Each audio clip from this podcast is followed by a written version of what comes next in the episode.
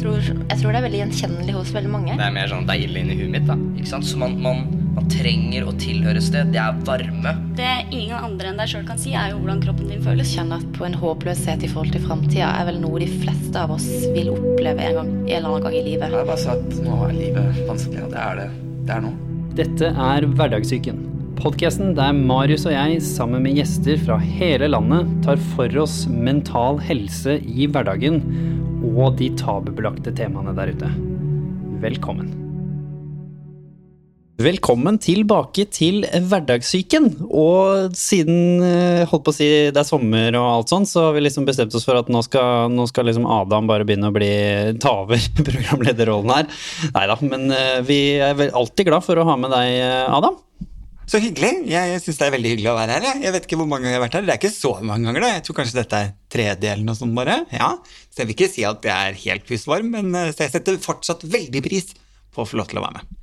Det var såpass husvarm at du klarte å fikse vann og sånn sjøl. Da føler jeg, da begynner det å bli bra. Så det, så det er fint. Eh, og i dag så skal vi rett og slett snakke om altså Det er jo grunnen til at du er tilbake. Du er jo en, en veldig klok og artig fyr, men eh, det er jo faktisk tema i dag som tar deg tilbake. For i dag så skal vi snakke om skam. Og skam rundt traumer. Og det at man kanskje opplever noe som man ikke tør å snakke om. Og det kan jo du et par ting om. Du har jo tross alt skrevet bok om det, Adam. Men vi har også med oss en forsker og ekspert på det. Så kan ikke du gjøre en liten introduksjon på deg selv, Tuva? Ja. Jeg heter Tuva Økdalen. Jeg er fagspesialist og psykolog for um, Bufetat. Så jeg jobber på oppdrag fra direktoratet med å forebygge vold, traumer og overgrep. Ja. Lystig. ja, kjempe. Lystig, absolutt. Og ikke minst, eh, det er jo selvfølgelig et uh, veldig viktig tema. og Dere har gjort litt sånn ekstra forskning på det nå, som det har kommet ut litt uh, informasjon om. Og så skal vi da lage en god gammel Hverdagssyken-episode hvor vi blander inn både levd erfaring og eksperttanker. Og selvfølgelig målet med episoden er jo også kanskje da å fortelle folk hvordan man kan håndtere dette, selvfølgelig. Vi skal jo ikke bare snakke om hvor vanskelig det er, for det vet vel de fleste som har stått i det, tror jeg. Så Adam, kan ikke du begynne med å fortelle hva du tenker når du hører det temaet, og hva det betyr for deg. Og ikke minst da selvfølgelig fra intervjuet ditt, så har jo du fortalt at dette var jo hovedgrunnen til at det gikk årevis mm. før du i det hele tatt snakket om det. Ja.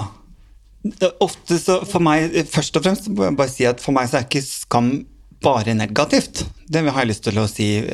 Skam er jo også hva skal jeg kalle det, et slags kompass på liksom, hva som er greit og ikke greit. Så skam er jo ikke bare liksom, noe forferdelig fælt som vi skal skamme oss over skammen, for det gjør man jo ofte. Men, eh, men det er jo også en slags innebygd moralsk pekepinn på en eller annen måte, som forteller oss om hva som er greit og ikke greit noen ganger. Men eh, så er det jo da alle, alle de negative tingene rundt skammen da, som, som kan være vanskelige. Og for meg så har det jo gått på, for de som ikke har nødvendigvis har sett det intervjuet, da. Eh, så min største skam har jo lagt på dette med overgrep som mann. At eh, jeg har jo i utgangspunktet følt noe skam fordi jeg er homo. Sånn at jeg alltid følt at jeg aldri ble mandig nok eller maskulin nok. Jeg var aldri tøff nok som de andre gutta. Og så i voksen alder så skulle jeg være han som var voldtatt i tillegg. Altså det ble jeg kommer aldri til å bli mandig nok eller sett på som likeverdig eh, blant andre menn. Sånn at det var nok det som var sånn vanskelig for meg. Jeg, jeg, hadde ikke lyst til å bli sett på som mindre maskulin. Eh, spesielt siden jeg hadde homobiten i tillegg. Og så føler man ofte, eller jeg og tror veldig mange andre skeive kan føle liksom at folk ser på meg som seksuell fra før. Så hvordan kunne et overgrep nesten foregå, spesielt siden vi var to menn? Har ikke menn alltid lyst, da? Skal ikke jeg bare være glad? Siden jeg fikk meg noe. Eh, er det lov å klage over sex som mann i det hele tatt? Så det var mange faktorer som gikk inn og ut, men til, til ho, hovedbeslutningen min om å ikke dele det, gikk jo på at dette burde jeg jo takle. Jeg er jo mann, og jeg skal i hvert fall være mann nå. Eh, for jeg skal ikke bli noe svakere enn det folk syns at jeg allerede er, da. Eh, så bare det var litt sånn oppsummering av, den, historien, eh, litt kort sagt. Og det ble jo resulterte jo ganske dårlig for min del, da, med isolering og at man skyver jo alle relasjonene sine et hakk unna uten at man egentlig legger merke til det. Sånn at man til slutt bærer på ikke bare det som skjedde, men veldig mye annet òg. Så det blir en sånn ball som hoper seg opp, og så står du og føler deg alene. Og for meg, den veien til egenverdi med Jeg er jo alene, jeg ikke engang bryr meg om meg selv, så veien til det å Tanken om og hvorvidt Er det noe vits i at jeg er her i det hele tatt? Den ble ganske kort for min del, da. Mm -mm. Og så har det jo vært veien litt ut av det, da, å prøve å å finne, finne den, rett og slett. Du sitter og nikker uh, veldig her. Det, det, det sier seg sjøl at dette her går igjen i mye av det man ser. Så hva er det du på en måte kan dele rundt det som dere ser fra forskningen deres, som, som er veldig vanlig? Men kan vi kanskje også begynne med Jeg, jeg vil ikke være gjennomsnittlig. Er jeg vanlig? du er ikke vanlig, Adam. Det kan vi slå fast på en veldig god måte. Det er derfor vi er veldig glad for å ha deg her. Eh, men jo, men først og fremst fordi vi pleier å ta en liten sånn definisjon. Hva mm. er skam, egentlig? For det er nok veldig mange som tenker at jo, jo, men dette har jeg kål på. Mens med en gang Adam sa at skam kan være godt og negativt, så tror jeg det var mange som kjente sånn, hæ, hva er det du mener? Før han forklarte det. Hvor det selvfølgelig ga mening igjen. Så hva er egentlig skam? Jeg tror det er viktig å skille mellom eh, det som er eh, det negative. Uh, Eh, delen av skam, altså som er mer knyttet til traumer eller knyttet til en negativ vurdering av seg selv som menneske, som ødelagt eller knust eller negativt merket, det, det er ikke normal skam. Altså, men når vi snakker om skamfølelsen som, eh, som litt mer normalt fenomen, da, som hindrer oss i å tråkke over andres grenser, så er det noe vi alle kan kjenne igjen på. Men den eh, opplevelsen Adam forteller om, som innebærer at det, at det går på en negativ vurdering av seg sjøl som menneske, og det går på identitet, og det går på, på eh, sider av seg sjøl. Eh, og med tanker om at det er noe, kanskje noe galt med seg selv som menneske, det, den er ikke, ikke på noe som helst noe som noen bør kjenne på eller føle på. Så det er en eh, variant av eh, skam som vi tenker er knyttet mer opp til traumer, og som vi kaller mer traumerelatert skam. Ja. Så, så, er det jo også litt sånn Nå ser vi jo en ny form for skal si, skjold eller filter mot skam. For nå ser vi sosiale medier og datamaskinen. Det har vært forsket ganske mye nå på hatprat og hat måte som kommer eh, bak en datamaskin. Og der ser det ut som dette skamfilteret som Adam trekker fram, kanskje ikke er like sterkt. Hvor man har jo gjort noen sånne litt sånn eh, art, typisk TV-ting, da. Hvor man har liksom tatt med personen som har skrevet noe grusomt. Det gikk vel på TV2 eller NRK sånn, jeg husker ikke hva programmet het nå. Og så tok de med den personen til den personen de hadde hetset digitalt. Og så spurte de om Klarer du å si det samme til personen? Og det klarte de selvfølgelig ikke, og da så du at de skammet seg. Du mm. så det på ansiktet dem, og de til og med uttrykte at de ikke forsto helt konsekvensene, og til og med et par av dem sa faktisk unnskyld også, og har nok uh, tatt uh, endring, håper jeg, av den mm.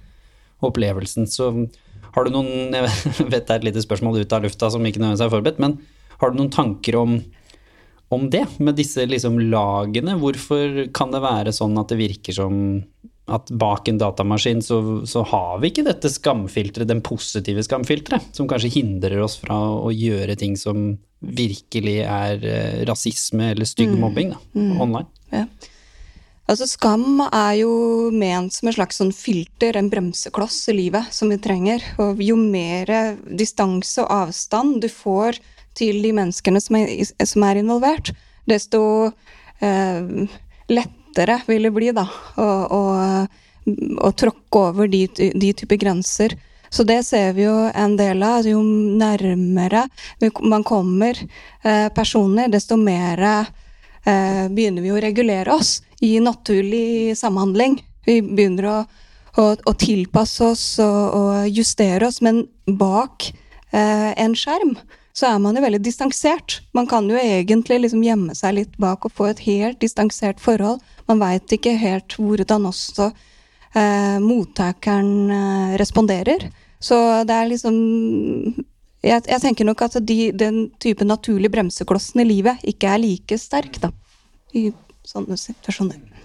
Ja, for Adam, du er jo litt over gjennomsnittlig eksponert sånn sett, som har jo en digital profil. Som du snakket om før du kom inn her, så sa du at i utgangspunktet så er du jo komiker. Mm. Og så har du selvfølgelig vært en altså, utad homofil komiker, det var jo sånn profileringen din når du ble kjent. sant? Og så har jo det en del hets med seg, men så har du også nå delt og blitt en rollemodell for overgrep mot menn, og det å snakke om skammen. Hvordan er det du har følt på forskjellen mellom face to face og digital, både positiv og negativ feedback? da? Litt sånn din refleksjon rundt filteret?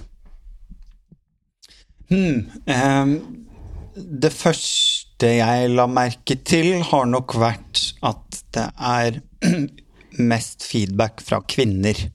Uh, og så er det en del De mennene som har i de åpne kommentarfeltene, har gjerne vært de som har noe negativt å si, eller sånn Hæ, dette forstår jeg ikke, du er jo to meter høy og har skjegg og tatoveringer, hvordan har dette skjedd?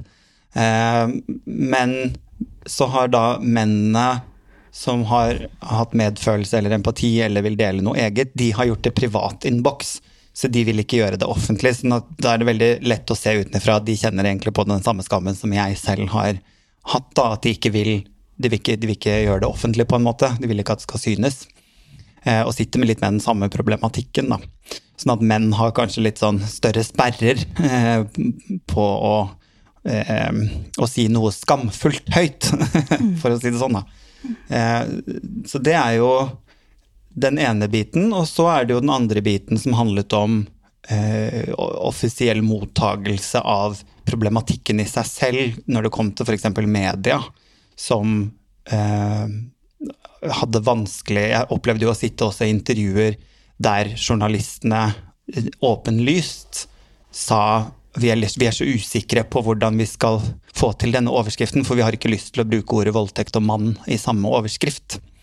Um, så vi må liksom pakke det inn på en annen måte. Og så var det også noen av journalistene som ikke postet sakene sine, for de var usikre på hvilken arena det hørte hjemme på. Så det var mye sånn vurderinger knyttet opp til at jeg var mann eh, i en sånn situasjon. At det hadde vært lettere å publisere det på forsiden på VG hvis jeg var kvinne, f.eks. For eksempel, fordi det er en offerrolle som folk er mer vant til å lese om. Så, så, det var jo noe av det, altså, det ad, skulle plutselig adde litt sånn på den skammen jeg allerede hadde. At liksom, ja, du skal skamme deg litt fordi du er mann og har opplevd dette. Var det det føltes ut som da. Så, så det var litt sånn todelt, eh, egentlig. Og så var det jo da eh, Så er det disse episodene der jeg har snakket for forsamlinger der man ser enten den ene mannen som sitter der i da denne veldig kvinnelige forsamlingen med bøyd hode helt bakerst, som kommer bort etterpå og skal snakke og dele noe, eh, og helt i andre enden av skalaen, der jeg har snakket for rene mannlige forsamlinger der det har blitt gråting og klemming etterpå. fordi da har de følt at det var en trygg ramme å være sårbar i, ikke sant. Og at skammen da ikke skulle være inne i det rommet, fordi jeg delte først og alt dette her nå. Så det, så det vært, det er, det er, komplekst, vil jeg jo si, og jeg, jeg, ikke, jeg klarer ikke trekke noen retningslinjer ut ifra det. Jeg kan jo på en måte bare si dette er de opplevelsene jeg har hatt underveis med min historie og erfaring.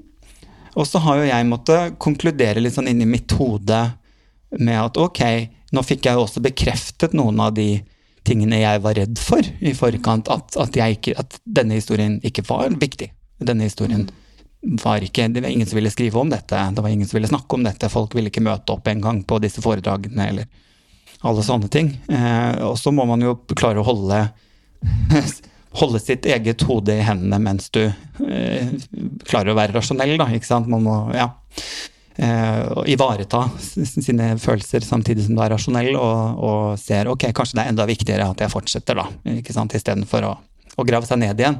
Men det, det er jo utfordrende, utfordrende fordi det, det, var jo akkurat dette jeg var redd for. Så det var jo det var litt sånn vanskelig, altså. Det skal jeg være helt ærlig på å si. Mm. Og hva er det som hva er det som ligger under her? For hvis du liksom skal se på forskningen og det på dere, dere ser, hva er det som egentlig skjer rundt traumer, overgrep og skam? Hva er det som egentlig gjør da, at uh, dette på en måte er så vanskelig å snakke om, uansett kjønn, men da selvfølgelig enda vanskeligere å snakke om når man er mann i et sånt heteronormativt uh, samfunn som vi er nå, hvor liksom mannsrollen fortsatt henger litt igjen, hvor du skal være tøff, og det skjer ikke menn, og det skal du klare å deale med sjæl, på en måte. Mm. Ja. Uh, jeg tenker at skam uh, som fenomen er jo at det er veldig negative tanker om deg sjøl. Altså det, det, er eh, kretsa rundt identitet, det er kretsa rundt selvverdi, egenverdi som menneske. Uh, og når man da frykter at det andre skal fordømme en like mye som en sjøl gjør, så er det jo veldig forståelig også at de da Man ønsker å beskytte seg. Man ønsker å beskytte seg på ulik vis som å trekke seg unna. Uh, frykt for å bli avvist og bli isolert. Så eh, hele denne prosessen med isolasjon og unngå kontakt med andre mennesker handler eh, dypest sett ut av en frykt for å bli avvist av andre. Mm. Vi er jo sosiale man er. Mer, ofte mm. har jeg inntrykk av at man er mer redd for altså Frykten for skammen er større enn skammen. Ja. ja. ja. Mm. Akkurat. Så, men hvis du tenker på det med å komme ut av denne sirkelen her, så handler det om å bryte et sånt spor, da. Og Um, og i det så ligger det å prøve å eksponere seg. Men da må man også eksponere den sårbare delen av seg sjøl. Og jeg tror kanskje det er ekstra vanskelig for menn. Og når det er så sterkt forbundet med identitet og maskulinitet og hele, hele mannsbegrepet, Eh, samtidig så innebærer det nok også en mestringsdel i det. Altså det er lettere kanskje for kvinner å søke sosial støtte, som nettopp er motdosen til skam. Eh, mens eh, menn gjerne kanskje har en tendens til å mer mestre gjennom å trene eller bli fysisk aktiv eller Jobb eller Jobb eller Ja. Mm. Så her har vi For det var jo en ting som jeg merket veldig altså Det, det derre å, å, bare eksponere seg, da. Mm. Eh, for jeg var virkelig et sånn eget forskningsstudie på to bein der jeg tenkte eh, jeg, For dette endte jo opp med at jeg opererte i hodet eh, og, og, gjorde det helt alene. Og så etter det så fikk jeg litt sånn slag i ansiktet på at jeg hadde ikke engang tenkt å si til noen hvis dette endte dårlig. Eh, og, så, og, det, og begynne å kjenne på hvorfor vil jeg ikke si det til noen. Eh, fordi jeg syns ikke det spiller noen rolle. Hva betyr det egentlig? Det betyr at jeg spiller ingen rolle for meg. Eh, og så begynne å skulle liksom si hvor, hvorfor har jeg blitt sånn, og, og, hvor kommer dette fra? Og den eneste måten for meg å innse det på, var å, å se at jeg betydde noe for noen. Mm. Og da måtte jeg jo la meg være sårbar for å se om de mm. tok meg i armen og, og dro meg opp. Mm. Og det gjorde de. Ikke sant? Mm. Og det var jo en sånn aha-opplevelse at at selv om jeg fremsto svak for mine venner, så var de fortsatt glad i meg etterpå. Jeg ble ikke avskrevet av familien fordi jeg var svak eller noe sånt noe. Tvert imot så kom de til å ville hjelpe, ikke mm. sant. Ja. Eh, og til og med etter dette så, så um, ser de på meg som sterkere enn jeg var før. Ja. Så, så det var, det, dette var jo en effekt som jeg ikke hadde sett komme i det hele tatt. Mm. At til og med nå når jeg snakker for andre menn i forsamlinger f.eks., for så ser de meg plutselig på meg som mer alfa-han og mer maskulin. Fordi jeg, har, jeg snakker høyt, jeg, jeg, jeg, virker sikker, jeg deler noe som de ikke hadde turt å dele. Sånn at etterpå så kommer de bort til meg for å dele noe fordi jeg på en måte var mer mann. Altså, det har hatt en sånn rar effekt at jeg ble mer maskulin ved å påta meg noe som vi ser på som feminint. Ikke sant? Så det var den store aha-opplevelsen i mitt liv, i hvert fall. Mm. Det er jo litt sånn fun fact også, fordi Adam og jeg hadde litt sånn lignende eh, tanker når vi var yngre. Altså vi hadde utfordringer med det feminine og maskuline liksom det stereotypet, da. Men jeg også var vokst opp med veldig sterke kvinner og tenkte på en annen måte enn de rundt meg. Snakket mer om følelser. Jeg var nok mer reflektert, som også ble sett på som ikke nødvendigvis noe bra. Og skal du komme ut av skapet nå, er det det? Nei, det, du må ikke da hadde, Det er trist å si, men sånn sett, da hadde fortsatt alle veldig mange på bygda bare sånn Det var det jeg sa. Det det vi, visste. vi, visste. det. Så, så litt problemet for meg også, var litt sånn med Adam, var jo at man går jo helt motsatt. Man er sånn Nå skal jeg i hvert fall ikke vise meg sårbar, uansett hva som skjer. Fordi det er jo det jeg har blitt mobbet for. Så da skal jeg liksom prøve å liksom basically sånn inkarnisere det å være følelsesløs, som er liksom den lette løsningen, sant? er jo at du bare viser ingenting, for da er du sterk. Liksom, uansett hva som skjer, mister noen, eh, kreft, sykdom, skade, ikke gråte, ikke vise noen emosjoner, er bra. Det er macho, ikke sant? Men det er jo helt motsatt. Jeg har også opplevd det som Adam sier nå. Jeg også snakker mye om psykisk helse, snakket om Altså at jeg holdt på å ta selvmord som 13-åring, snakket om sorg, snakket om haug med temaer innenfor psykisk helse. Og gjør dette foran bedrifter og liksom litt à la Adam, uten sammenligning for øvrig. Ikke ikke kjent ennå, Adam. Det kommer. men, men det er samme poenget, da. Hvor ja, du skulle tro at det å være mer sårbar som mann skulle gi deg en rolle i andres øyne som mindre mandig, men jeg opplever det som helt motsatt. Akkurat som Adam sier, jeg har så mange mennesker som ser opp til meg nå som sterk, som mandig. Fordi jeg er mer følsom. Det jo, dette burde jo folk lært på skolen som kids. Fordi det hadde spart meg for mye, for mye skam og mye frustrasjon som, som kid. Fordi jeg skammet meg jo, spesielt som tenåring, eh, hvis jeg var mer følsom, eller viste det. For jeg, tror ikke personlig at liksom det bare er sånn at eh, alle menn er født eh, like lite følsomme, alle kvinner er født like følsomme. Det er jo selvfølgelig forskjellig fra person til person, og hvor flink man er til å uttrykke det, og, og følelser er jo naturlig. Men i vårt samfunn så ser jeg at dette henger igjen, og det har blitt bedre selvfølgelig, men på bygda der jeg kommer fra, så er det ganske ille fortsatt, og det viser jo det Adams sine opplevelser også, og mine opplevelser òg, at det er liksom de samme teite stereotypene når du står og holder foredrag. Så ser du liksom Du, du legger merke til hvem som kommer til å komme bort til deg etterpå, underveis. For du ser de følger med. De sitter liksom og gjemmer seg et eller annet sted litt bak i salen. Og så ser du de står på hjørnet og venter, og du skjønner at de har ikke tenkt å gå. Og det er jo litt morsomt å le av det, fordi jeg kjenner meg igjen. Jeg ler jo ikke av det fordi jeg syns det er en tullete måte å håndtere på, jeg ler jo av det fordi jeg var akkurat sånn selv. Og så når alle damene har kommet og sagt hvor flink du er, og som er naturlig for dem å uttrykke følelser, så kommer den personen, kommer denne mannen, eller to, da. Og, og da forteller kanskje en historie, og, og ser opp til deg. Enda her har jeg holdt foredrag kanskje for et stort forbund da, i Norge, med masse alfahanner i den forstand, som er mye eldre enn meg. Og så står jeg lille spirrevippen med tatoveringer foran og holdt foredrag, og så plutselig så står det som en sjef i et stort firma og ser på meg med en form for beundring. Det er spesielt. Har, har det da å gjøre med at når noen deler noe som du har skammet deg over, så blir skammen mindre hos deg selv? At det er lettere å på en måte åpne opp hvis noen andre gjør det? Er, skam knytta mye til det, på en måte? Det, det kan det godt være. Eh, men jeg sitter litt med en tanke om at eh, vi alle har jo, eller veldig mange av oss har jo nettopp sånne type erfaringer. Eh, og det å høre andre som har eh, hatt eh, uh, slike sjelsettende erfaringer og kommet forbi det, det er ganske Det vekker en beundring i å klart å, klart å mestre det. Klart å legge deler av den historien bak seg. Og det, jeg tror nok at veldig mye av det, fokuset der, kan vekke litt sånn beundring og en opplevelse av at oi, jeg har søren meg hatt det tøft, men jeg har kommet over det og jeg har klart det. Det, det står det stor styrke av. Så tenker jeg en annen sånn giftig skam som jeg har tenkt mye på det siste året, eh, har vært den derre Når vi var inne på sosiale medier, og se f.eks. eksempel da at vennene dine gjør ting som ikke du er med på, og så skal det på en måte gå bra. Det skal, det skal du takle. Så liksom skam for ensomhet har liksom slått meg som en sånn rar ting. At selv om jeg har sett kanskje noen venner av meg gjøre noe som jeg ikke var invitert på, så skal jeg ikke få lov til å være lei meg for det. Det skal jeg takle på strak arm.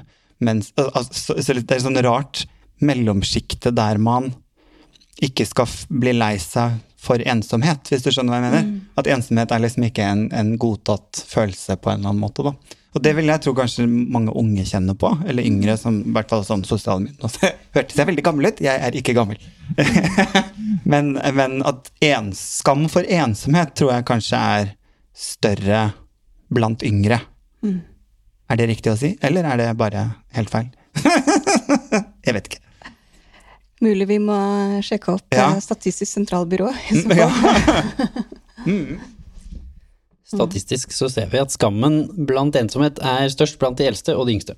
Så det er jo som veldig mye annet innenfor psykisk helse, så ser vi at liksom kanskje spesielt vår bestefedres generasjon, da, som nå sitter på, på eldrehjem, de har, virker å ha en stor skam rundt både det å være ensom og ha depressive tanker og angst og egentlig det meste innenfor psykisk helse, og unge. Mens eh, oss imellom, da, drar jeg oss i samme kammen, Adam, vi, vi har på en måte kanskje kommet til et stadie i livet hvor enten man er så busy med alt som skjer rundt seg, og man kanskje egentlig ikke tar inn over seg helt hvor man er, og hvor ille og ikke ille det er.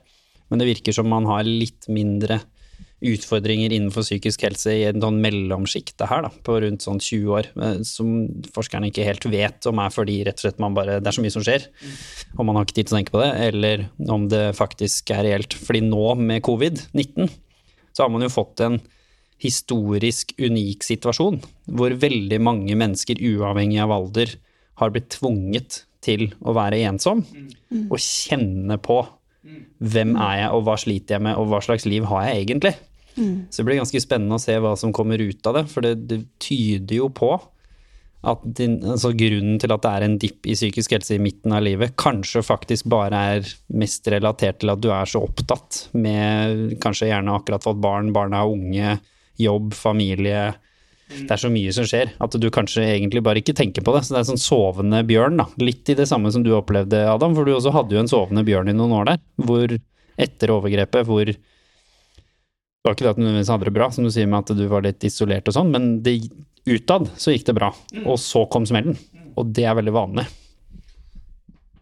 Jeg vil jo tro også noe For det er også en sånn ting jeg kan snakke for meg selv har kjent på, at i denne situasjonen vi har vært nå med covid-19, så skulle jeg også være busy. Det, eh, jeg skulle ikke bare ligge hjemme og se på Netflix. Det, det var veldig viktig, og det merket jeg liksom i vennegjengen nå, at alle satt egentlig hjemme alene, men var utrolig busy. Var liksom Å ja, nei, jeg har masse å gjøre. Og det var ikke måte på, liksom. Så det også er en sånn rar ting at man skulle skamme seg for det å eh, oppi Altså, vi alle måtte være hjemme, så vi alle er hjemme. Det går helt fint. Det går helt fint å falle litt sammen nå, og være litt redd eller bekymret, eller Alle er det. Men det, det følte jeg jo eh, ja, ikke kom så godt igjennom. Det var veldig mange som følte at nå må jeg Det er nå jeg skal levere og prestere, da. Mm.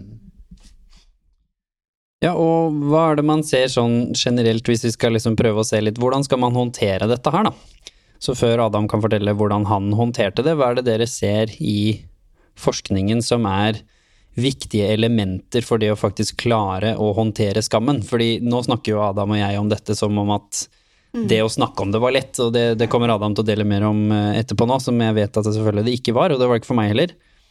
Men hvordan skal man faktisk klare å komme dit? Og så er det jo ikke alle som har de plattformene og personlighetene som Adam og jeg har hatt heller, som sånn sett kanskje har gjort det både verre og lettere å dele, kommer an på hvordan du ser på det, men som også har gjort at veldig mange har hørt etter, da. Mens for vanlige Ola og Kari og på en måte de forskjellige der ute, så er det jo ikke sånn. Da er det jo din sosiale krets det er snakk om å dele med, først og fremst. Eller fagfolk, da. Ja. Eh, Det viktigste her er jo å komme ut av det sporet som skammen leder en inn i. Og det er et veldig negativt tankespor. Altså negativ tankespor knyt, knytta til seg sjøl som menneske.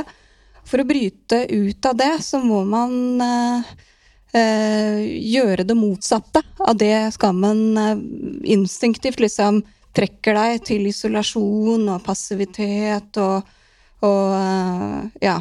Så da skal man gjøre det motsatte. Det er veldig viktig å først og fremst finne en person som man har tillit til, som man stoler på, og i det små begynne å dele litt. Men eh, nok til at man sjøl er komfortabel med det. Det innebærer ikke at man nødvendigvis trenger å dele absolutt alt med en gang. Du kan heller ta det litt gradvis, men det viktigste er liksom at, du, at man begynner i, i, st i, større grad å lette litt på sløret. For hvis ikke man gjør det, så vil fort skammen trekke en tilbake inn. Da. Og det Det som gjerne skjer eh, idet man begynner å, å, å, snakke og åpne opp med skammen, er at man f.eks. kan eh, innse sjøl at dette her henger jo det, det, det er ikke grunnlag for å skamme meg på det vi som har gjort. Man får respons, man får sosial støtte gjerne fra de andre, eller man får tilbakemeldinger, man får eh, innspill som begynner å korrigere ens egne tankemønstre, og det er ganske viktig. Og eh, dette er jo måten vi jobber med, med skam på i, i traumesituasjonen, er at vi forsøker aktivt liksom å gå inn i i, uh, i, um, i, i tankene, og så, og så, utfordrer vi alle tankene. Men man trenger egentlig ikke en terapeut til dette. Altså, det Har du noen eksempler på det? På liksom F.eks. fra overgrep. da. Hvordan ville man, hva, er en vanlig tanke innenfor overgrep som man sitter med? Og hvordan ville dere utfordra den, Bare for et par eksempler. Eh, en vanlig tanke for seksuelle overgrep er jo um, at man gjerne kanskje har vært eh, med på det, eller involvert i det på et eller annet vis. Uh, og da er det veldig viktig for oss å, å, å få opp historien i sin helhet. Sånn at vi, vi, får frem historien litt fra start til slutt, for å se at uh, de tankene ikke nødvendigvis stemmer. Her var det ganske mange andre ting som gjorde at situasjonen uh, var så umulig å håndtere at det f.eks. var veldig, veldig farlig å motsette seg, eller at det, mange av de handlingsmulighetene som man ellers vanligvis har i livet, ikke nødvendigvis er gjeldende i en overgrepssituasjon.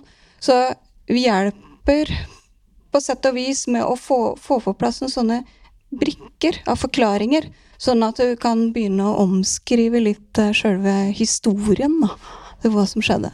Fikk jeg litt sånn, litt sånn gåsehud nesten, fordi i, i, går faktisk så så jeg siste episode av Jeffrey Epstein, eh, mm. serien som går på Netflix, som jeg anbefaler hvis det er noen som hører på, som, som, har vært utsatt for, eller som kjenner noen som har vært utsatt for overgrep, som trenger litt mer innsikt. Hvor det skjedde noe ganske fascinerende i den saken, for de som ikke vet det. Dette er jo da en veldig kjent uh, milliardær i USA som har overgrepet seg på mest sannsynlig hundrevis av mindreårige jenter over tid og også drevet en form for prostitusjon av disse jentene. Og du blir jo kjent med noen av de underveis.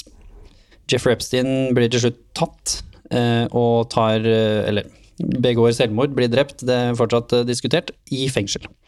Så dette skjer jo rett når saken har startet, når de endelig på en måte ofrene skal få lov å face han og ta han. Så de var jo ganske positive etter ganske tøffe år, for det gikk 10-15 år for mange av dem før rettssaken kom. Og så skjer det noe rart, fordi da kommer jo alle advokatene og sier at ja, men altså, du kan ikke charge en som er død, så hva er greia, liksom? Nå henlegger vi saken, og så er vi ferdig med det. Men han dommeren, som nå har blitt ganske sånn, fått litt sånn kjendisstatus i USA, sier at jeg skal fortsatt la alle ofrene få lov til å vitne som om han satt der, because they need to be heard, sa han. Eh, og seg gåsehud når jeg sier det. Og de jentene sier da etterpå at uh, He gave me a piece of my life back. Fyren er jo død, han som har gjort det, så den får de ikke gjort noe med. Men at de bare ble hørt. Så hun mm. ene gråt når hun sa That's all I wanted. I just wanted someone to listen to me and mm. believe me. Mm. Så det der med å bli hørt og bli trodd, og som du sier, få lov til å anerkjenne den biten at dette var et overgrep, mm. selv om i dette tilfellet du gjorde sånn, du sa kanskje ikke nei høy Altså alle de tusen mm. negative, vanskelige tankene som kan komme etter et mm. overgrep, fikk hun lov til å legge fra seg, og mange av disse jentene lov til å legge fra seg. Mm. Og saken ble jo henlagt, altså det er ikke lov å altså du, Dessverre, i loven får du ikke dømt den som er død, så det får du liksom ikke gjort noe med, men dommeren valgte å gjøre det på den måten, som nå ser ut som har blitt standard i USA i overgrepssaker, fordi det hadde såpass positiv effekt på ofrene. Mm. Som underbygger jo det du sier, og hvor viktig det er å faktisk kjenne på at ja, Det var overgrep, det var maktmisbruk, jeg var redd. Det var, eh, jeg var på en øde øy, hvor skulle jeg? Skal jeg svømme i land? Altså, hva skal jeg gjøre? Det er liksom konsekvenser rundt dette her som er eh, vanlig, da. Og spesielt kanskje for kvinner, den store biten sånn Jo, men jeg ble våt. Jeg likte det, ergo, ikke sant? At man kjenner på det under overgrepet. Mm. eller man blir hard i forbindelse med at man er en mann. Som det er veldig stor skam, kanskje en av de mest skambelagte temaene ser vi, vi som har snakket med ofre. Som er vanskelig for dem å justify. Jo, men blir jeg våt eller blir jeg hard, så likte jeg det jo. Sant? Det, er jo det er jo det vi har blitt lært opp til. Men å klare å skille mellom de to tingene da også, og liksom ta Det er fortsatt voldtekt. Det er fortsatt overgrep. Det er ikke liksom det som avgjør hvordan det der går, da.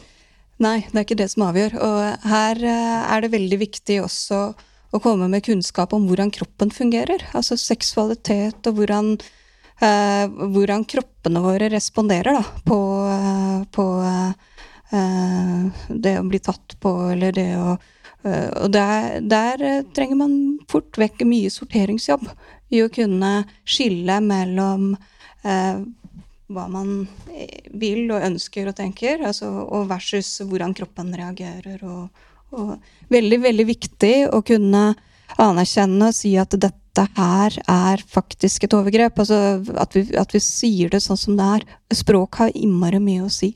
Mm.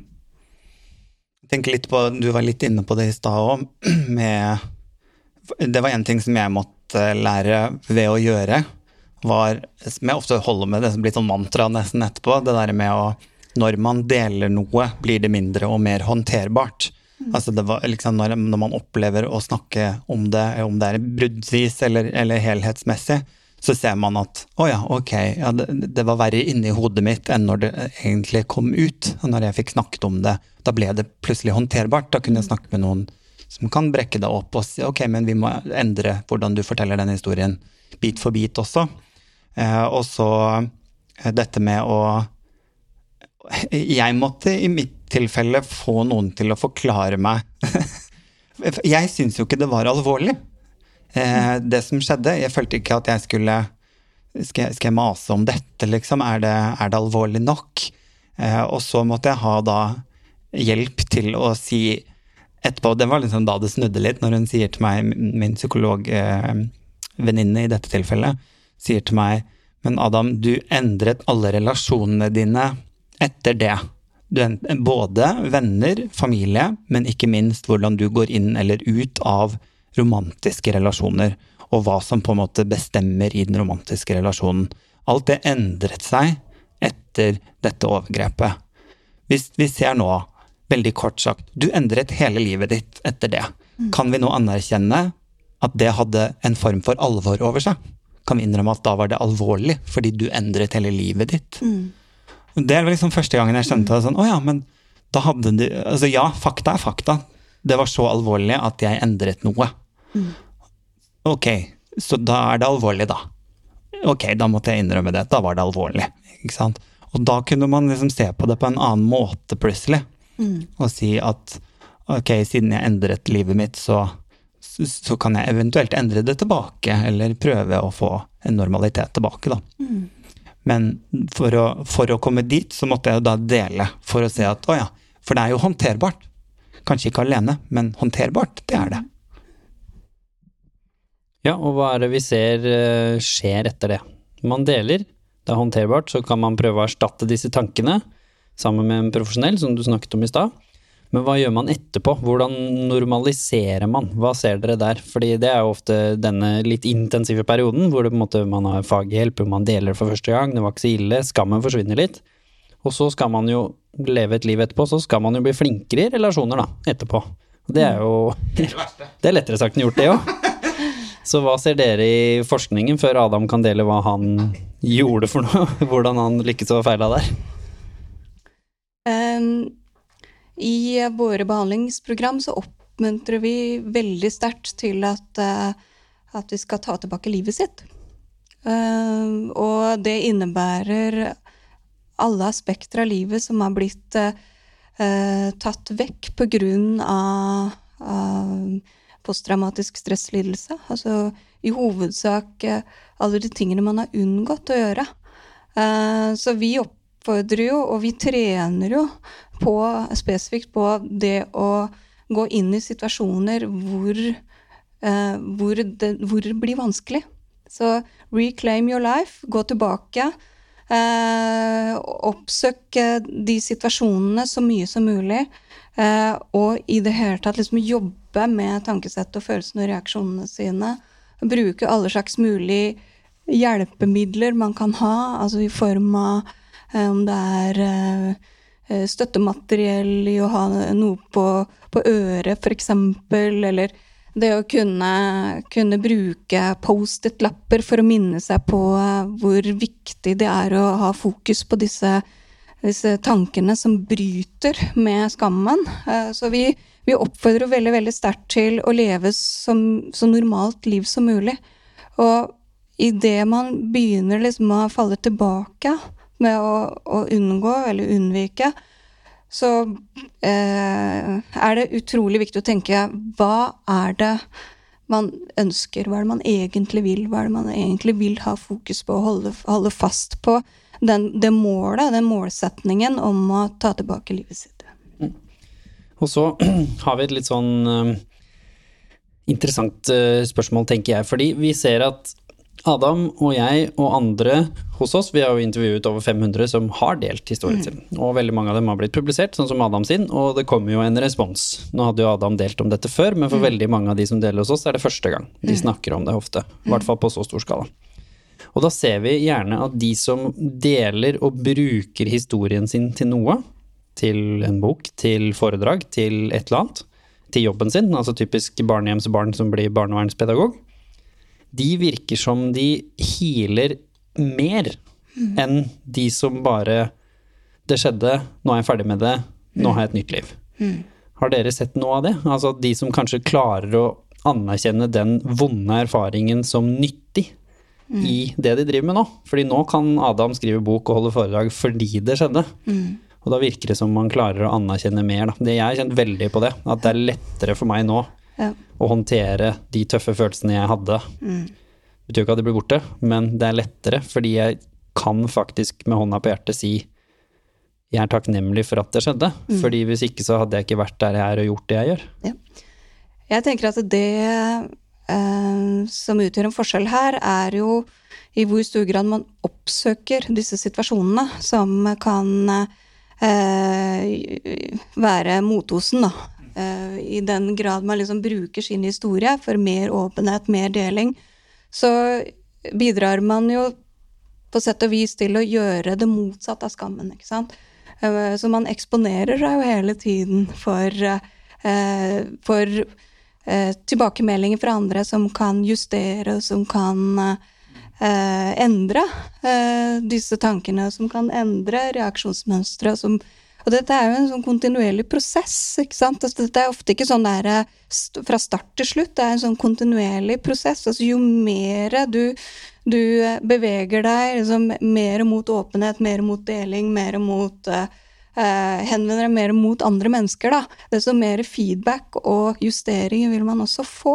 Sånn at eh, i kontra andre mennesker som kanskje tenker at oi, nå er jeg ferdig med å bearbeide, nå er, nå er, nå er det slutt. Så er det ofte ikke sånn, da. Altså, eh, I stor grad så handler det om at dette er litt noe som kan komme og gå.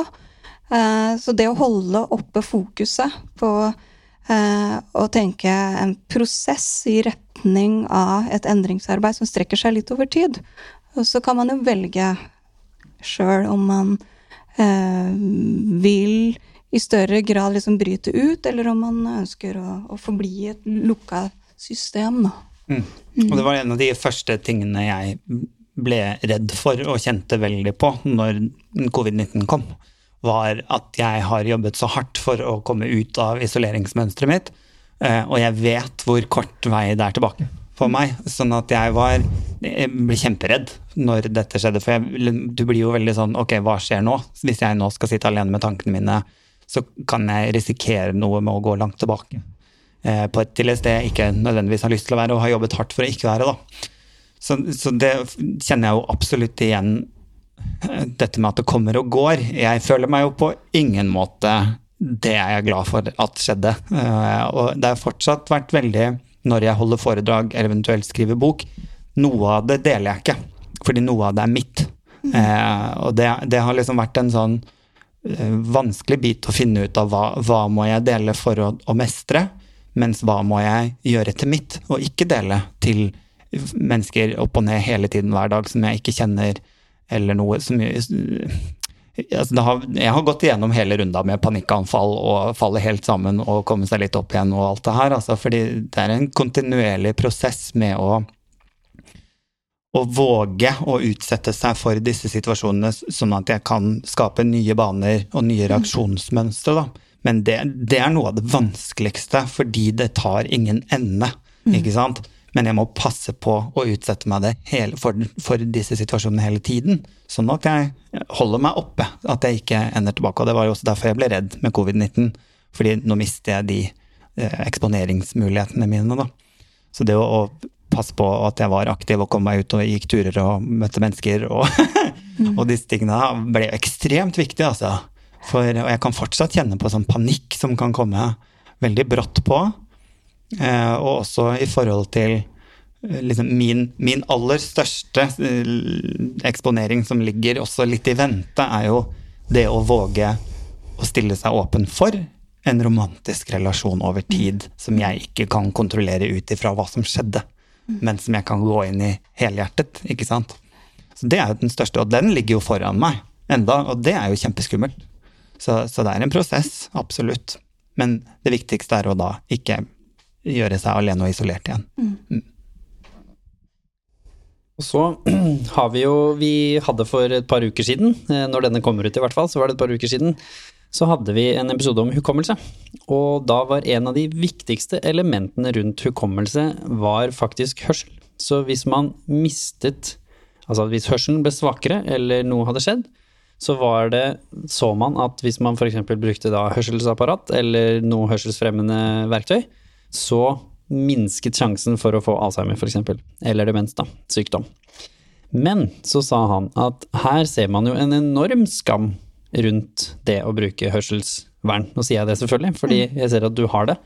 Så hvordan jobber du selv med det? Selv om det kanskje igjen da er kanskje enda større skam igjen rundt menn å bruke noe. Men det er jo generelt, du er jo ikke en gammel dame, du er jo fortsatt en ung dame. Så dette må jo ha vært litt uvanlig. Det er jo noe man ser på 80-åringer, og ikke mm. da på en måte kvinner i din alder. Mm. Så hvordan var den prosessen for deg med å overkomme den skammen med at det, det må jeg, eller det gjør jeg fordi jeg veit det er smart? på en måte? Ja, det er interessant at du spør om det, Jimmy. Eh, jeg tenker i forhold til eh, mitt hørselsproblem, det er medfødt. Men eh, jeg har ikke brukt noe høreapparat før studietid. Så jeg oppdaget først hørsels min hørselshemning i studietiden. Så jeg har på et eller annet vis klart å liksom eh, kompensere meg hele veien rundt det. Og jeg har egentlig ikke trodd at jeg har hatt noen hørselsproblemer. For jeg har lest på lepper og Så man er ganske sånn finurlig å finne tilpasningsstrategier og prøve liksom å sno seg litt rundt. Og så eh, var det en venn av meg som også er psykolog, som hører dårlig, og han begynte å gjøre litt sånn eh, litt sånn morsomme uh, utfordringer, da. Uh, at jeg skulle gjenta sånn à la viskeleken, ikke sant. Men jeg får ikke lov til å se hva er det som skjer. Og der falt jeg jo helt gjennom. Og da, det syns jeg er vanskelig. Men personlig så har jeg jo kjent på liksom den derre uh, Den følelsen av liksom å si noe skikkelig rart i situasjoner hvor det bare pass, passer seg ikke. Uh, og um, det å kunne på en måte tenke litt sånn at, at man sjøl veit hva det handler om. Og ikke blir så prisgitt kanskje andres reaksjoner, men at man sjøl har en, liksom, en forklaring. En, sånn, det har i hvert fall hjulpet meg, da. Mm. Så er det et annet spennende spørsmål som har dukket opp mye hos oss, som er rundt det å snakke med en profesjonell kontra det å snakke med en du kjenner, eller en, en lemann, eh, hvis vi skal kalle det det. Eh, fordi vi ser at det kan ha to forskjellige typer effekter. Har dere sett noe rundt det, og kanskje spesielt rundt overgrep? Fordi sånn som Adam sa i stad, noe er mitt, sant? og det er kanskje enda viktigere hos folk du kjenner. og folk som du har en relasjon til. Det er ikke alle detaljer rundt et overgrep f.eks. du har lyst til å dele med moren din. Altså Vi så Kine, en annen eh, som har delt om et veldig grovt overgrep. Eh, så var moren hennes på det eventet hvor Adam også var, sammen med Dixie-senteret, hvor vi da så hennes intervju. Og så hadde vi en panelsamtale etterpå. Da satt jo moren til Kine der og så hele intervjuet, hvor mm. da Kine deler jo en del tøffe detaljer rundt mm. overgrepet. Som sånn sett selvfølgelig var fryktelig tøft for, eh, for moren hennes å se. Hun hadde sett det før, da, men, men, det var ikke noe mindre enkelt å se på det da, sånn sett. Så ser man liksom Har dere noen anbefalinger eller noen tanker rundt forskjellen på de to tingene, og hvordan man kanskje kan bruke begge to til litt forskjellige ting da, i en sånn overkommelsesprosess rundt skammen? Mm. Eh, jeg tenker først og fremst at det er utrolig viktig at eh, dere tar det opp som et tema. Fordi det handler noe om eh, grenseoppgang i forhold til hva skal man dele, og hvor går ens egne grenser. Og det er høyst individuelt. Så det er litt sånn Ja, vi oppfordrer til åpenhet, men ikke for enhver pris. Det vi opp oppfordrer til, er i hvert fall å være uh, størst mulig åpen overfor helsepersonell som har taushetsplikt. Altså, det er sånn åpenbart. De, de, er de, de, vil ivareta historien. Uh, uh, men utover det så blir det litt sånn å ha en refleksjonsrunde på hva vil denne åpenheten være være godt for meg? Vil det, tjene en hensikt i, i så måte Eh, vi oppfordrer jo overhodet ikke til å poste ting på Facebook, f.eks. Da har man jo overhodet ikke noe kontroll på historien eller hva som skjer. Altså, så det, er, det, må skje i kontrollerte former. Gjerne kanskje eh, skrive et eget personlig brev da, først. Altså trene seg på åpenhet ved å skrive et personlig brev, og så kan man heller brenne og kaste det ut. Hvordan kjennes det eh, hvis jeg skulle ha delt det personlige brevet hvis jeg skulle ha sagt det til en venninne eller til en venn. Eller, man kan liksom trene seg litt opp sånn for å kjenne ut eh, hvor går ens egne indre grenser. Kine sa jo faktisk eh, det. Hun skrev jo brev til faren sin og la det nede mens hun var oppe. Fordi hun ville at han skulle lese det først, før han da kom opp til henne. Sånn at hun ikke måtte begynne på nytt, sikkert. Det var det, var det sånn hun forklarte det, og at hun, hun hun var ikke sikker på om hun klarte å sette ord på det. på en måte. Mm. Og doktor Nils også, som har vært her, som da selvfølgelig er doktor selv, har sagt at selv han syns det er vanskelig å gå til legen og snakke om ting som kanskje da ikke er, eh, er vondt i halsen, på en måte, men som er litt skambelagte temaer. Så da har han også skrevet notat. Mm. Og så går han til legen, og så leser han sin egen notat fordi han er redd for at når han sitter overfor dette mennesket, så vil ordene stokke seg, og han vil kanskje ikke fortelle helt hva som har skjedd, da. Mm. Som er jo litt uheldig hvis du skal prøve å få hjelp, spesielt til noe psykisk, hos eh, en fastlege. Så er det jo ganske, eller veldig viktig å være helt åpen om hva det er. For hvis ikke så blir det jo litt vanskelig for fastlegen å evaluere hvor alvorlig det er. Mm. Spesielt da knytta til selvverd og det å kanskje ikke ønske å leve, eller overgrep, som mm. er jo en av de mer stigmatiserte temaene. Mm. Så det er absolutt eh, en ekstra viktig ting å tenke på der ute også det kan du faktisk gjøre når du går til psykologen og legen òg. Skriv det ned. Mm. Eller skriv brev og gi det til eh, de du vil snakke med, og så kommer samtalen etterpå, for da blir det kanskje lettere. Så tenkte jeg sånn forskjell på venner og eh, profesjonell hjelp. For meg så har det vært største forskjellen på det at den profesjonelle hjelpen kunne gi meg konkrete verktøy og forklaringer på hvordan hjernen min fungerer. Dette er fakta jeg må forholde meg til. Her, nå viser jeg deg bitene. Kan du nå innrømme at dette var alvorlig? Ok, dette er jeg enig i, for det er fakta. ikke sant? Så da kunne jeg på en måte anerkjenne en ting som Fordi venner har en tendens til å ville fikse problemet for meg. Eh, noe de ikke kan. Men de vil gjerne ha De kommer med løsninger hele tiden.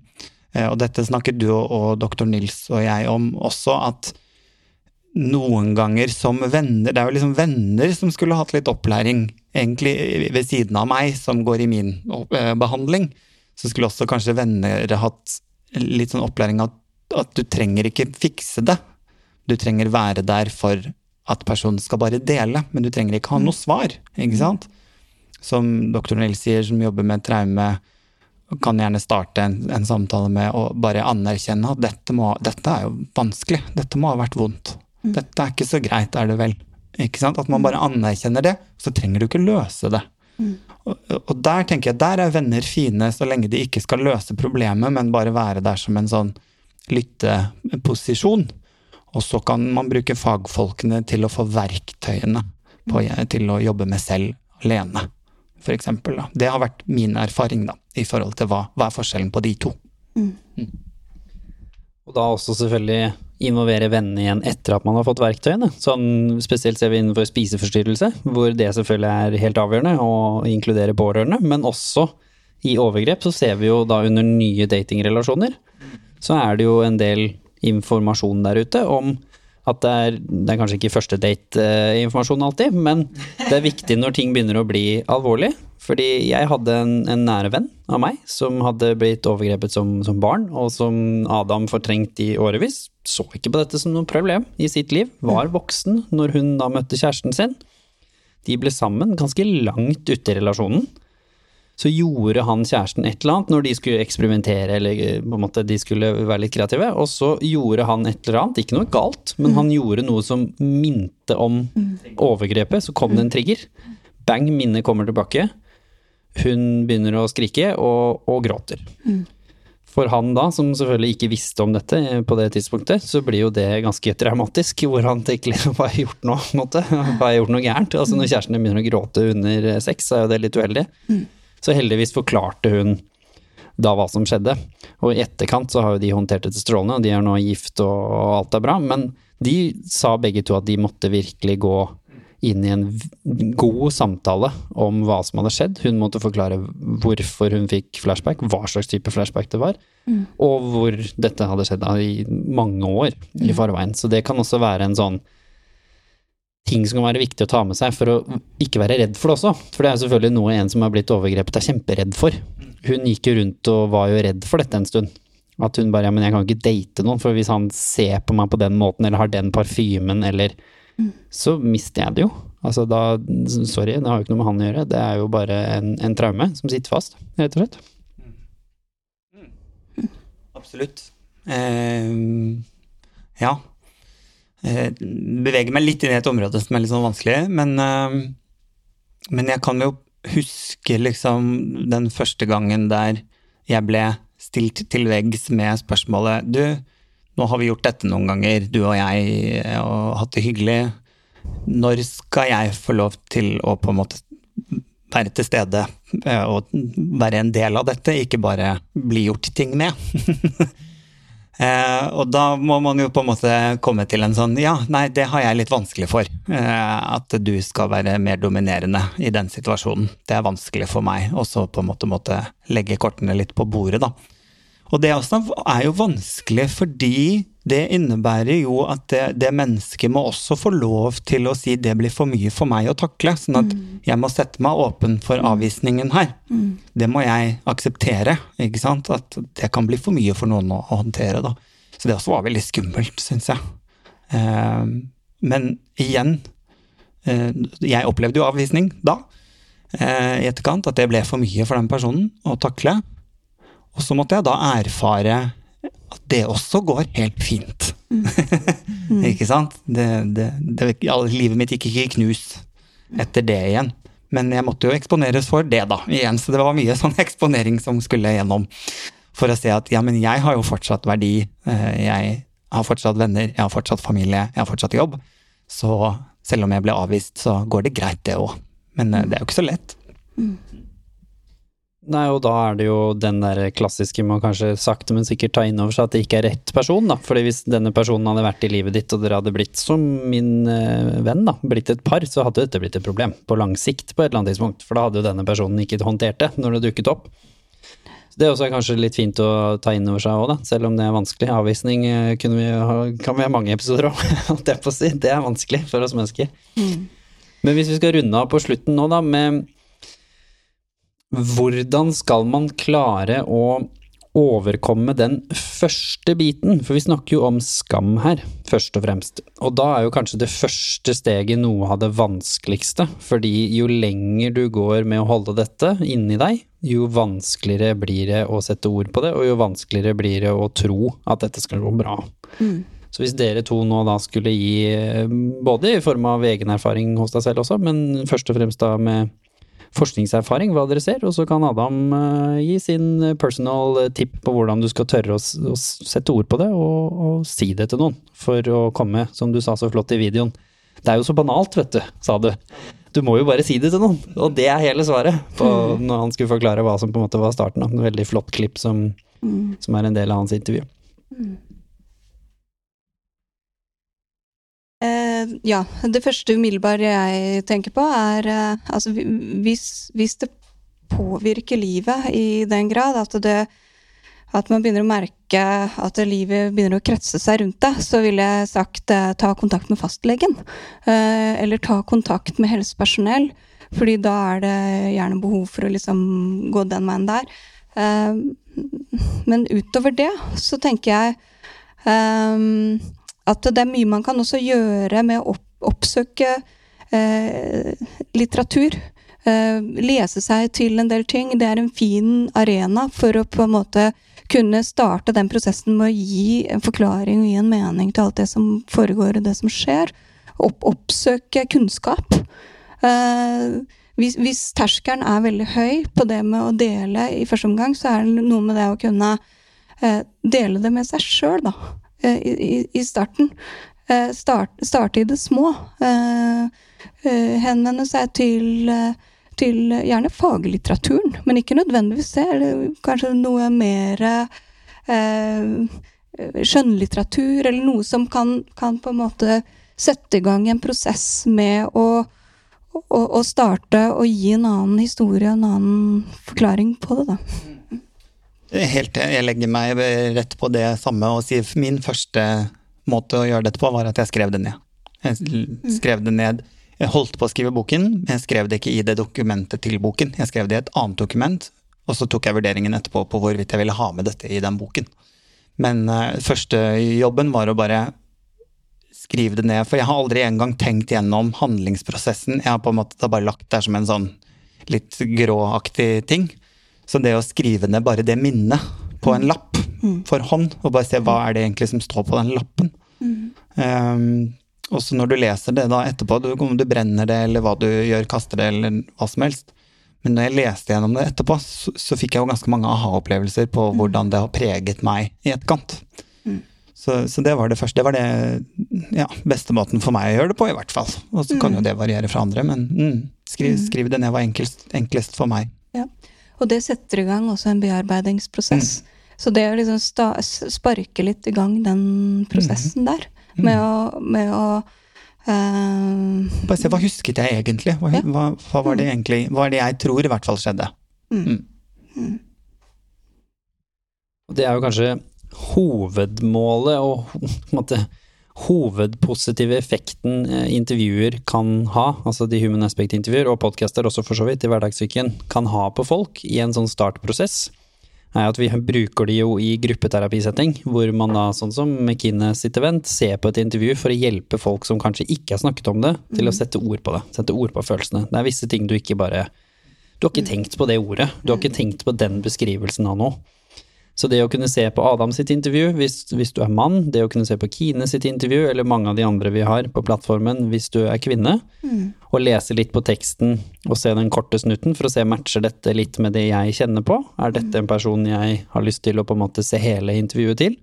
Og da er det en halvtime til en times intervju, så det er, det er mye som da kan gjøre at det kan være lettere for deg å skrive denne lappen, da, som dere sier, og kanskje hjelpe dere å få på plass litt av de minnene som har lagt seg godt ned i den kista, hvor det er grått og litt vanskelig å beskrive hva som har skjedd. Det kan være en veldig god start. Og veldig mange har søkt hjelp etter Kine sitt eh, intervju, og det har garantert etter Adam sitt også, selv om mannfolk ikke er like flinke til å si fra.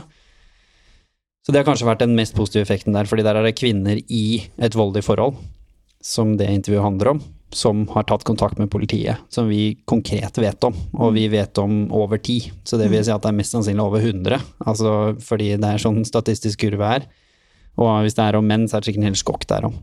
Som har turt å søke hjelp fordi de da fikk se en, en rollemodell, da. Som Adam og Kine og andre som sa at vet du hva, det er faktisk det som er å være mann nok, da. Du må faktisk ta den, den støyten der. Og så vil det bli bedre.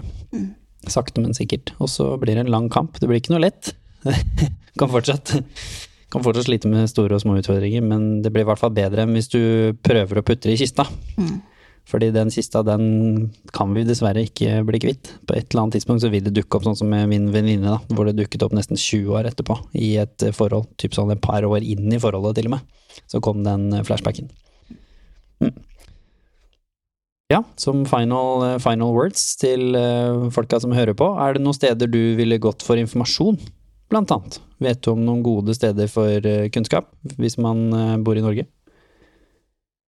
Ja, Det er um, Annet enn The Human Aspect, selvfølgelig. Ja. Men er det noen gode fagartikler? Er det noe Dixie-senteret, selvfølgelig, eh, kan jo vi anbefale, som vi har eh, samarbeidet med. Der finner man mye informasjon, mye god informasjon. Ikke bare dere selger, de har jo selvfølgelig ekstern informasjon også.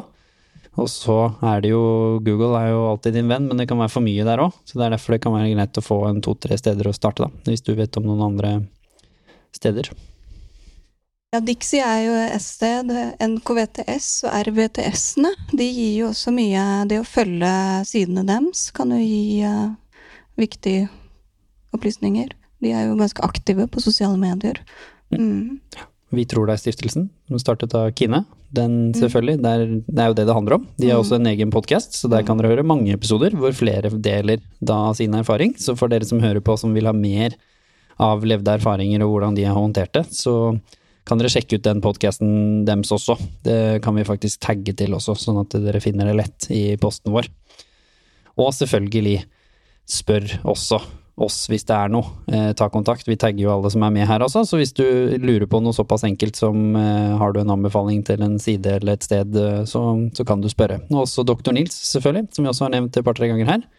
Han også er jo en kilde til informasjon rundt psykisk helse, og kanskje hvordan finne god hjelp, da. Så det kan man jo også ta en titt på. Tusen hjertelig takk til eh, assisterende programleder Adam Skjølberg og, og deg, Tuva. Det var fantastisk eh, å ha dere på besøk begge to. Setter vi veldig pris på. Takk for det. Takk for meg. Og tusen takk til dere som hører på, selvfølgelig. Fortsett å sende inn eh, gode forslag til hva vi skal snakke om, til gjester, folk dere vil ha her. Dette er deres podkast. Jeg kjenner Adam fra før, og nå kjenner jeg Tuva, så vi kan snakke utafor studio, som jeg sier hver gang, til det kjedsommelige. Så det er viktig at dere engasjerer dere.